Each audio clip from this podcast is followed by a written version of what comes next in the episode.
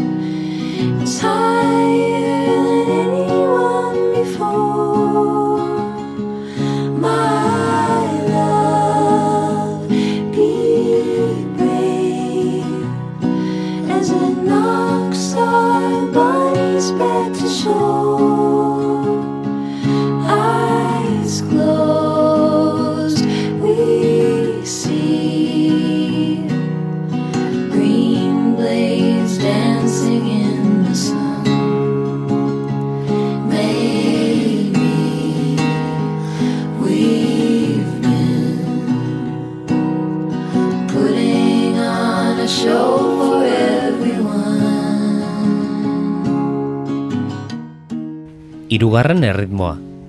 Geldiunea. Isilunea. Utxunea. Eremuzkanpo bost amabi. Nola ekin horri oteiza berriro aipatu gabe. Ezin da, edo ezin dugu, noski. Baina dagoeneko aipatu dugunez, ez dugu zertan gurera ekarri. Izan ere, aski da. Hemen ez da ezer gertatzen. Egin genuen hori espalditxo. Eta badu hortik zer edo zer honek. Begiratu film bati, ikusentzun. Eta jakinez nola azaldu hitzez. Nola geratuko litzatekeen idatzita eleberrian. Jakinez, soinu bandako kantu bat abesten ahapeka. Filma baino ez da, film hutsa. Eta horrek sortzen digu halako ezin egona. say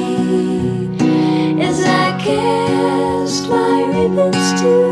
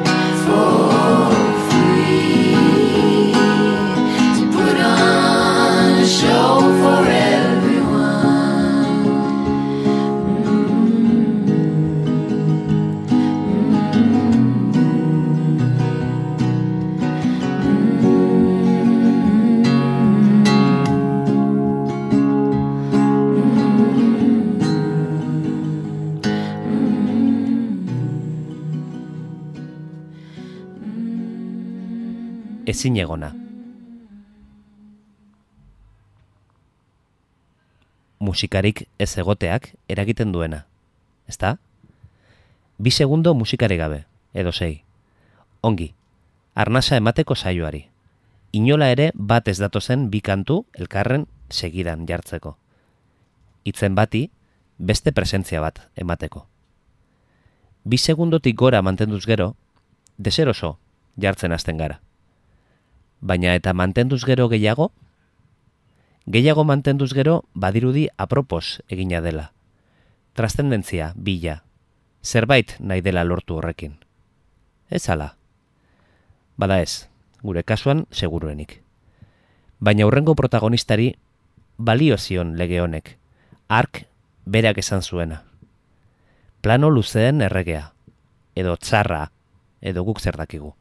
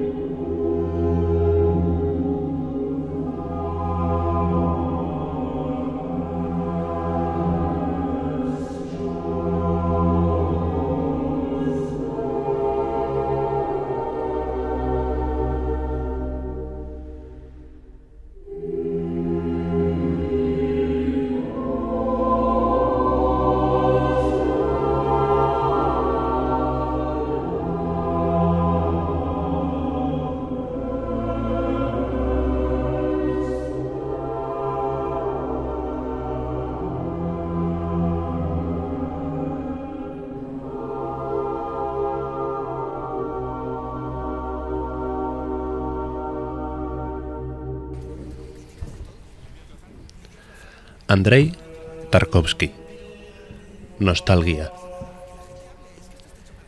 Iraganarena edo etorkizunarena. Erbestekoa eta aberrikoa. Zentrorik ez duen ertzetatik ibilera mantxo, pausatu, isiltasunak oihartzun bihurtzen dituen hori. Eraikin barruetan euria ari du. Erdoilak hormak edertu ditu aspaldi. Kikarak apaletan. Txakurra hor dago noski. Italiako monastegietan egon gara. Ama Virginari umeak eskatzen. Edo eskara sartu azkenean. Edo belaunikatzear geundela, iritziz aldatu dugu azkenerako. Herrian, istorio bat kontatu digute. Herrietan istorioak kontatzen diren modu horretan.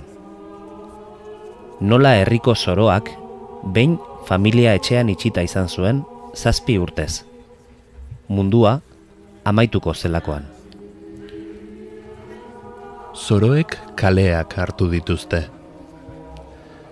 Jada hartuta zituztenean heldu gara. Heldu direnerako hartuta genituen kaleak. Eta kaleetan barreiatzeko hitz sendo, oi hartzuntxu, autoritatez eta gizatasunez betetakoak malenkonia eta nostalgia osozko deklarazioak. Bestelakotasun baten aldarriak. Bi su ikusi ditugu. Nekearena bata. Minarena bestea. Bi su. Ahots eta agindu berberetik sortuak. Baina gorputz biren esku utziak bata zaldi gainekoa plazakoa irikoa egia ulertezin baten azken argia. Sakrifizio eta protestarena beste garaipen eta itxaropen berri batena. Bestea intimoagoa sekretuagoa edo. Emandako hitza birritan ukatzearen eta uretan sartzeko debeku publikoaren tartea izetsu eta umelean osta-osta piztuta mantentzen den zu txikia. Hitza eta utxunea, iluna eta argia, sua eta ura gure begiradapean.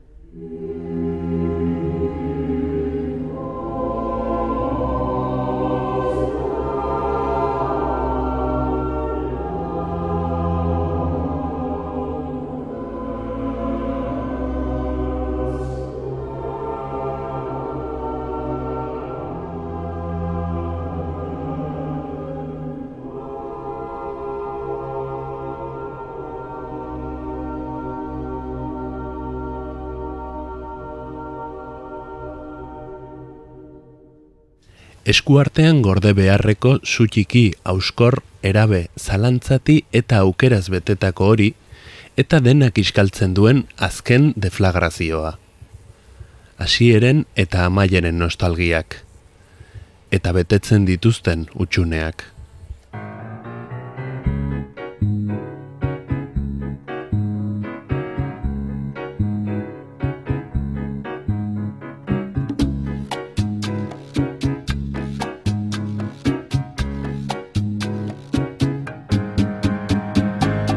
Emborrachar mi corazón para pagar un loco amor que más que amor es un sufrir.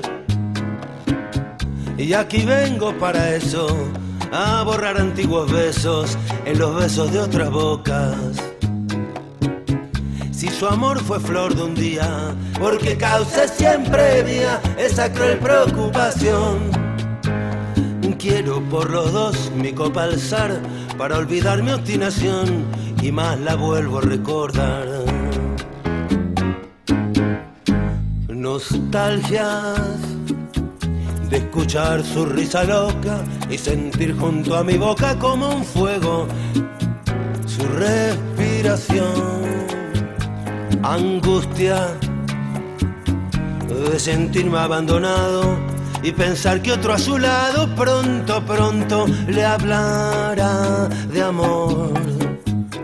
Hermano, yo no quiero rebajarme, ni pedirle, ni llorarle, ni decirle que no puedo más vivir. Desde mi triste soledad veré caer las rosas muertas de mi juventud.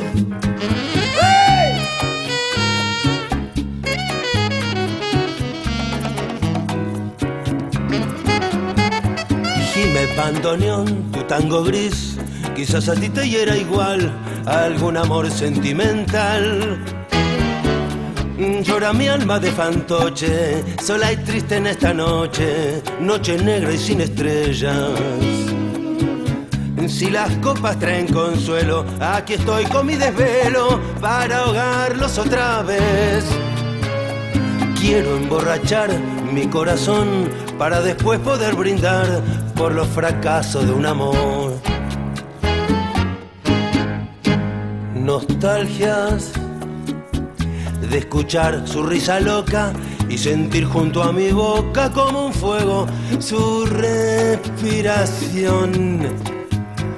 Angustia de sentirme abandonado y pensar que otro a su lado pronto, pronto le hablará de amor. No puedo rebajarme, ni pedirme, ni llorarle, ni decirle que no puedo más vivir. Desde mi triste soledad veré caer las rosas muertas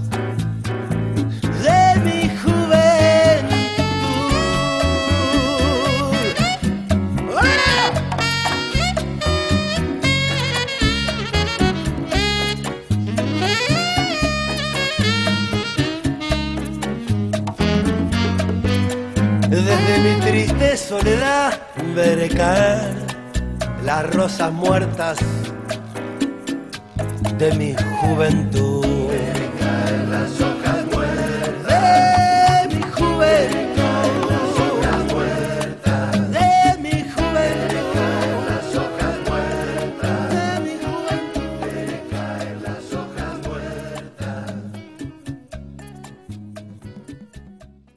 Eremus Campo. Vous venez souvent ici, monsieur?